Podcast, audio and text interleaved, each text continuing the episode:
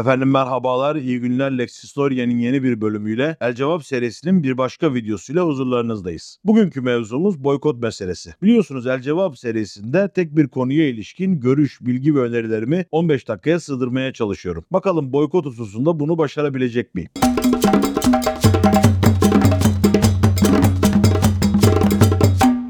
Boykot dediğimiz zaman aslında tarih boyunca örnekleri görülen izolasyon ve dışlama cezalarının bir türevini görüyoruz. Netice itibariyle boykot dediğimiz hadise bir kişinin, topluluğun hatta ve hatta ülkenin ekonomik bakımdan izole edilmesi ve dışlanmasıdır. Dolayısıyla boykotu anlamak için önce tarih boyunca ekskomünikasyon, daha basit bir tabirle söyleyelim, ocak dışı bırakma cezaları hakkında bir iki kelam etmemiz lazım. Bu cezalar ilkel kabilelerde gelişmiş toplumlara kadar pek çok cemiyette görebileceğimiz cezalar. Netice itibariyle örfe, ananeye, kanuna uymayan birilerinin toplumdan uzaklaştırılması çok pratik ve antropolojik bakımdan da önemli bir cezalandırma biçimi. Ve ekseriyetle bu cezalandırmanın dini sahiplerle yapıldığını görüyoruz. Mesela Yahudilikte ağırlıklarına göre Herem, Niduy ve Nezif olarak isimlendirilen 3 tane dışlama cezası bulunuyor. Bu cezaların tatbik edildiği isimler arasında meşhur filozof Spinoza da var.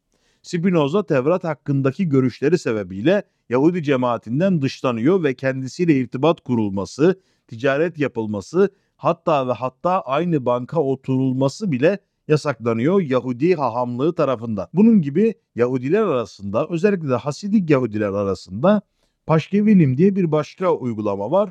O da şu duvara bir kişinin kabahatleri yazılıyor. Böylece bütün cemiyet o şahsın kabahatlerinden haberdar oluyorlar. Böyle de bir uygulama mevcut. Hristiyanlar bu herem uygulamasını aforoz olarak devralmışlar. Ve aforoz hakkında da çok şey söylenebilir. Ancak bugünkü boykota çok benzeyen bir müessesesi daha var. Katolik Kilisesi'nin. O da enterdi. Enterdi dediğimiz hadise şudur bir ülke veyahut bölge tamamen kilise hizmetlerinden mahrum bırakılır. Bırakılırsa bırakılsın ne olacak demeyin. Çünkü Hristiyanlıkta ruhun saflığı ve kurtuluşu fevkalade önemli bir hadisedir. Ve enter diye uğrayan bir bölgede kilise hizmetleri verilmediği için vaftiz yapılamaz. Yani Hristiyanlığa giriş gerçekleştirilemez. Resmi bir nikah yapılamaz. Tanrı huzurunda kabul görmüş bir nikah gerçekleştirilmez. Ve kişi öldüğü zaman son yolculuğuna kutsanarak uğurlanamaz. Dolayısıyla o kişi adeta cehennem çukuruna atılmış gibi olur. Enterdi fevkalade caydırıcı bir cezadır ve Katolik Kilisesi tarafından özellikle de siyasi uyuşmazlık yaşadıkları prenslere ve krallara karşı her zaman kullanılabilecek bir koz halinde bulunmuş. Ayrıca bizde de mesela Alevilikte düşkünlük cezası vardır bunlara benzer bir biçimde. Hakeza İsmaililerde, Nusayrilerde, Dürzilerde, Yezidilerde buna benzer uygulamaların mevcut olduğunu biliyoruz. Bir numune olarak Roman toplumu içerisinde marime denen bir aforoz cezasının da tatbik edildiğini not düşmüş olalım. Ayrıca tarihte enteresan bir boykot örneği vardır. Mekkeli müşrikler dini sahiplerle Müslümanlara ilk dönem sahabelerine karşı bir boykot tatbikatı gerçekleştirmişlerdir. Bu boykot sırasında Müslümanlar çok zorluklar çekmişler ve yoksulluğa düçar olmuşlardır. Bu bir, bir buçuk sene kadar süren çileli ve zorlu bir süreçtir. Ancak her zaman dini sahiplerle gerçekleşmez boykot ve dışlama cezaları. Antik Yunan'da ostrakizmos denen bir uygulama vardı mesela. Buna göre tiran olmasından korkulan, halkın desteğini fazlasıyla çekmiş olan bazı şahıslar 10 sene müddetiyle Atina'dan uzaklaştırılırdı. Bunlarla da bir irtibat kurulmazdı bu süre boyunca. Bu uygulama genelde şöyle olurdu. Senenin başında Ocak ya da Şubat ayında Atina Halk Meclisi toplanır ve bu sene dışlanmasını istediğiniz biri var mı diye cemiyete sorulurdu. Cemiyet evet var derse o yılın Mart ya da Nisan ayında ikinci bir toplantı gerçekleştirilir. Bu toplantıda gizli bir oylama yapılırdı. Oylar pusulaya değil Ostraka adı verilen çanak çömleklerin üzerine yazılırdı. O dönemde parantez içerisinde söylemiş olalım. Papyrus ve kağıt çok pahalı bir malzemeydi. Dolayısıyla Ostraka adıyla her yerde bulunabilecek olan kırık çanak çömleklerin üzeri bizim bugün antetli kağıtlara ya da pusula kağıtlarına yazdığımız gibi yazılırdı. Ostrakizmos uygulaması da ismini bundan alıyor zaten. Çanak çömleğin üzerinde 6000 tane aynı isim görülürse yani 6000'in üzerinde bir oy çıkarsa o şahıs 10 yıl müddetiyle Atina'dan uzaklaştırılıyordu. Bunlar ekseriyetle toplumdan uzaklaştırma cezaları ve bu hususu da fevkalade genişletebiliriz. Belki ileride buna dair ayrı bir video yaparız. Ancak bu işin ticari boyutlarının ön plana çıkması biraz daha modern bir husustur diyebiliriz. Mesela 1700'lerin sonunda Boston Çay Partisi ismi verilen bir hadise gerçekleşmiştir. İngilizlere karşı Amerikalıların bir direnişidir. Hatta Amerikan bağımsızlık mücadelesinin başlangıcı bile kabul edilebilir. İngilizlerin ağır vergilendirmelerine karşın Amerikalılar İngiliz mallarını denize dökmüşlerdir ve boykot etmişlerdir ayrıca. Bu bakımdan boykot uygulamasını biraz modern bir uygulama olarak görmek lazım. Ancak 1880'lere kadar hadisenin ismi konmamıştır. Buna benzer örnekler verilebilirse de. 1880'lerde enteresan bir hadise oluyor ve boykot kelimesi ıstılaha girmiş oluyor. Bu hadise İrlanda'da cereyan ediyor. Yüzbaşı Charles Canning'in Boykot isminde bir beyefendi var. Bu beyefendi emeklilik günlerinde bir gelir üretmek için çabalamaya başlıyor. Ve bu uğurda Lord Ern'ün yanında çalışmaya başlıyor. Lord Ern'ün İrlanda'da geniş arazileri var. Bu arazilerde köylülerden vergi alıyor. Çünkü o devirde arazinin mülkiyeti lordların elinde. Ancak siz bir köylü olarak, çiftçi olarak araziyi lordtan belirli bir süre için kiralıyorsunuz ekip biçiyorsunuz. Ekip biçtiğinizden belirli bir miktarını vergi olarak ödüyorsunuz. Bu tahsilatların gerçekleştirilmesi, borçlarını ödemeyenlerin taşınmazlardan çıkartılması, tahliye edilmesi için çalışmaya başlıyor bu yüzbaşı boykot ve çalışma sırasında enteresan bir yaklaşım benimsiyor. Bizdeki böyle emekli subay amcaların, albay amcaların yaklaşımı gibi her şeye karışmaya başlıyor. Logmesk ismindeki bölgede bir konağı varmış bu abimizin konağın bahçesine mesela köylülerin tavuğu falan girerse ağır para cezaları veriyormuş. Sağdan soldan odun kesmelerini yasaklamış. Ayrıca köylülerin pek çoğunu da kendi konağında hizmetçi olarak çalıştırmaya başlamış. Yani bütün işlerini de köylülere yıkmış bu abimiz. Fakat o yıllarda yükselmekte olan İrlanda Milli Hareketi mevcut ve bu hareketin en önemli savunularından, iddialarından bir tanesi de 3F denen bir hak. 3F hakkı şu esaslara müstenit Diyorlar ki biz İngiliz lordlardan buraları kiralıyoruz. Tamam. Ancak başka birilerine alt kira olarak verebilelim. Biz de burada tasarruf hakkı sahibi olalım. Ayrıca kiralama süremiz belli olsun. Her sene yenileniyor bu kira sözleşmesi ve her sene acaba ekip biçtiğimiz topraktan çıkartılacak mıyız diye korku yaşıyoruz.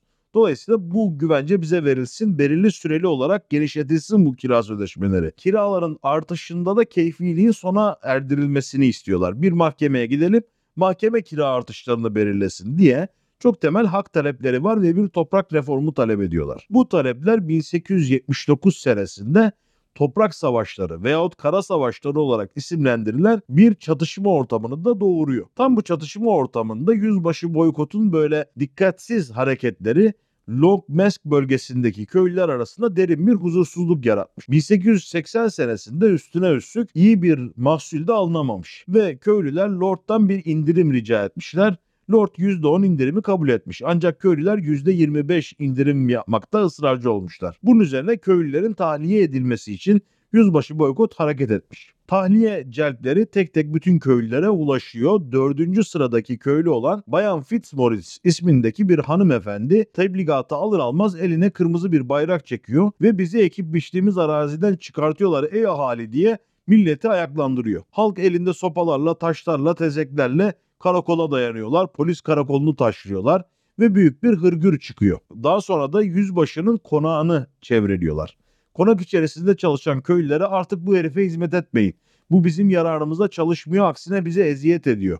Bundan çalışmayın diye ısrarcı oluyorlar. Köylüler de mecbur biraz da zorlamayla açıkçası dan çekiliyor. Yüzbaşının evi sarılıyor ve yüzbaşıyla bütün ticari münasebetler kesiliyor. Yüzbaşı demirci, postacı, çamaşırcı gibi en temel ticari bağlarını kaybediyor. Hatta yeğenini postacı olarak çalıştırmak istediği zaman bile köylüler yeğeni kenara çekiyorlar bu iş senin hayrına olmaz senin de canını yakarız falan diye çocuğu tehdit ediyorlar. Çocuk o vazifeden ayrılıp kaçmak zorunda kalıyor.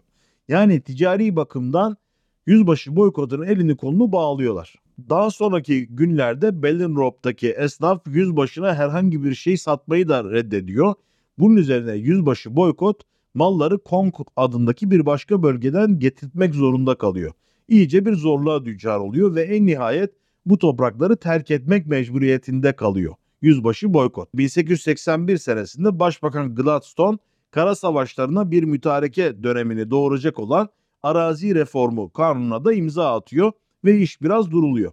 Ancak yüzbaşı boykot işini kaybettiği gibi rahat bir şekilde yaşadığı Lokmesk'teki konağını da kaybediyor bu boykot uygulaması sebebiyle. Tam o günlerde gazeteci James Redpath'le arkadaşı Peder O'Malley arasında bir sohbet gerçekleşiyor 23 Eylül 1880'de. Ve sohbette şöyle bir diyalog gerçekleşiyor. Bir kelimeden rahatsız oldum diyor. James Redpath nedir diye soruyor peder. İnsanlar toprak gaspçısını dışladığında buna toplumsal olarak aforoz diyebiliriz. Ama boykot gibi bir ev sahibine veyahut arazi acentesine uygulanan dışlamayı ifade etmek için tamamen farklı ve yeni bir kelime bulmak zorundayız. Ostrakizm kelimesi burada işimize yaramıyor. Köylüler bu kelimenin anlamını da bilmiyorlar. Ve aklıma da başka bir şey gelmiyor. Peder John O'Malley'nin aklına güzel bir fikir geliyor ve diyor ki bir kişiyi boykot etmek desek nasıl olur? Bu adamın isminden hareketle bir kişiyi boykotladı, ona yaptığı gibi yaptı desek nasıl olur diyor ve bu kabul görüyor. Daha sonra da bu ıstılaha giriyor, sözlüklere giriyor. Böylece boykot kelimesi kullanılmış, doğmuş oluyor. Boykot bu resmi ismini aldıktan sonra bizim topraklarımıza da geliyor. Bizdeki ilk ve en önemli boykot örneği 1908'deki Avusturya Macaristan boykotudur. Avusturya Macaristan Bosna Hersey'i ilhak edeceğini açıklayınca milli hislerle vatandaşımız ayaklanıyor. Özellikle İttihat Terakki bu ayaklanmanın önemli unsurlarından bir tanesi oluyor. Sultan Hamid'in son günlerinde gerçekleşen bir hadisedir bu. Ve bu ayaklanmalar kapsamında Avusturya Macaristan malları boykot ediliyor. Bu malların içerisinde içerisinde çok önemli bir kalem var o da fes. Bütün Osmanlı erkeklerinin başında bulunan fes feshanede üretilmekle birlikte bütün Osmanlı topraklarına yeterli gelmiyor. Dolayısıyla ekseriyetle Avusturya Macaristan'dan ithal edilen fesler kullanılıyor. Ve bu hadisede de bunlar boykot ediliyor. Osmanlı erkekleri yeni başlıklar takmaya başlıyorlar. Bazıları eskisi gibi keçe külaha arakiyeye dönüyorlar. Bazıları başka serpuşlar tercih ediyorlar. Ancak o günlerde kültür hayatımıza giren bir serpuş var. O da astragan kalpak. Bu daha ziyade Kafkaslardan gelen bir serpuş ve daha sonraları bizim milli duygularımızın sembolü olacak. Bugün bile bir İstiklal Harbi gazisini düşündüğünüz zaman onu başında astragan kalpaksız düşünemezsiniz. Dolayısıyla bu meşhur sembol de 1908'deki boykot vasıtasıyla hayatımıza girmiş oluyor. 1910'da Girit Yunan kralının bütün herhallerin kralı kabul edince Yunanlılara karşı büyük bir boykot hareketi oluşuyor. Liman işçileri Osmanlı ve Yunanistan'ın ticari sevkiyatını neredeyse durma noktasına getiriyor. Bu boykot hadisesinden dolayı büyük devletler bile endişe duymuşlar ve Osmanlı'ya boykotun durdurulması yönünde çağrılarda bulunmuşlar. Ancak Osmanlı hükümeti bu boykotu doğrudan teşvik etmediği için o tarihlerde müdahale edemeyeceğini söylemiş. Ancak daha sonraları hadise zamanla durulmuş. 1911 senesinde bir başka enteresan boykot vakası vardır. O da Hacı David kumpanyası sebebiyle Amerikan mallarına yapılan boykot uygulamasıdır. Hacı David kumpanyası aslında Türk bandıralı bir kumpanya iken avantajlarından dolayı Amerikan bandırasına geçiyor. Ve ekseriyetle o dönemde milli bir gerginlik yaşadığımız bu Girit hadisesinden dolayı Yunanlı mürettebatlarla dolu gemilere sahip. Bu gemilerin birinde bizim askerlerimiz bulunuyor. Tezkeresini alıp vatanlarına gidecekler. Bir türlü gemi kalkmıyor. Bunun üzerine Mülazım Ali Sahip Bey Kaptan Vasilaki ile görüşmeye karar veriyor. Diyor ki yani bu çocukları daha fazla bekletmeyin memleketlerine avdet edecekler ulaşacakları yerlerde maddi zarara uğramasınlar. Mülazım Ali Sahip Bey o sırada gemide bulunan Amerikan Viskonsolosunu itiyor. Arada bir tartaklama hadisesi gerçekleşiyor. Bunun üzerine bu gemi Amerikan bandıralıdır ve siz Amerikan topraklarında sayılırsınız. Burada işlediğiniz bir suçtan dolayı Amerikan konsolosluğuna teslim edileceksiniz diye Hacı David kumpanyasına bağlı bu gemide esir ediliyor Mülazım Ali Sahip Bey. Bunun üzerine yurdun dört bir tarafında Amerikan mallarına karşı bir boykot gerçekleşiyor. Özellikle çok ilginçtir. Singer dikiş makineleri memlekete yeni girmiş o zamanlar. Bu dikiş makineleri boykot ediliyor. Bunların alınmamasına dair bir çağrıda bulunuyor Osmanlı cemiyeti.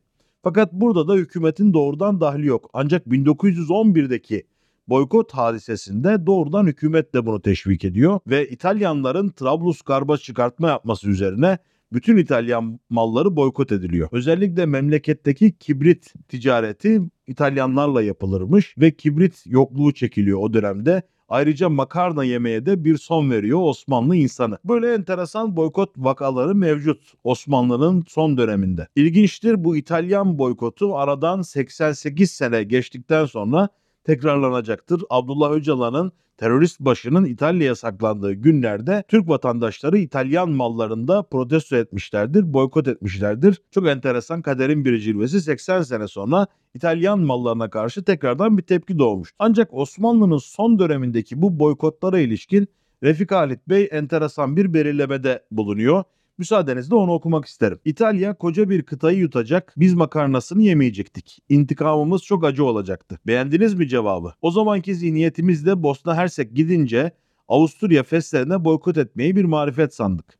Lakin Girit meselesine ithal malı fıktanından, yokluğundan yani boykot yapılamadı. Ona da sağa sola yafta yapıştırmakla karşı koyduk.